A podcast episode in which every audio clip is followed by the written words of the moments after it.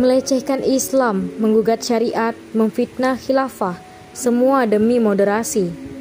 Heboh, dosen Universitas Indonesia, Ade Armando menyatakan tidak ada perintah sholat lima waktu dalam Al-Quran. Sebelumnya mengaku tidak percaya umat Islam harus menjalankan syariat yang tertera dalam Al-Quran, sunnah maupun kesepakatan ulama.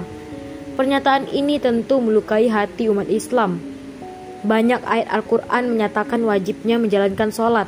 Bagi umat Islam, sholat rukun Islam yang paling penting setelah dua kalimat syahadat.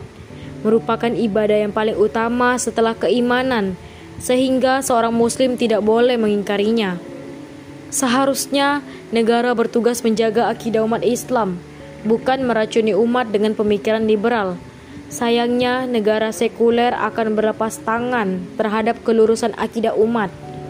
Khilafah yang merupakan kewajiban dalam Islam juga mereka fitnah dengan berbagai tuduhan negatif.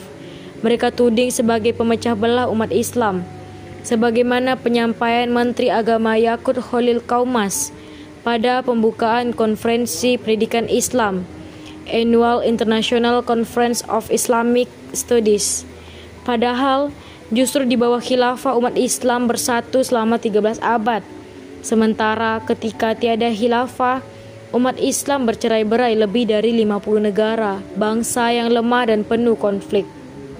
Berbagai pernyataan tokoh yang melecehkan Islam, menggugat syariat, dan memfitnah khilafah bagian dari proyek moderasi yang teraruskan di tengah umat Islam.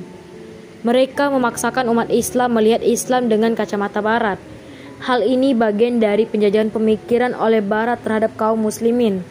Tujuannya umat berlepas diri dari ideologi Islam dan sahih, mengikuti ideologi barat kapitalisme sekuler. Umat Islam harus waspada dan senantiasa memegang erat Islam. Yakinlah, makar para pemuji Islam akan pupus karena Allah Subhanahu wa pasti menolong umatnya, menolong agamanya.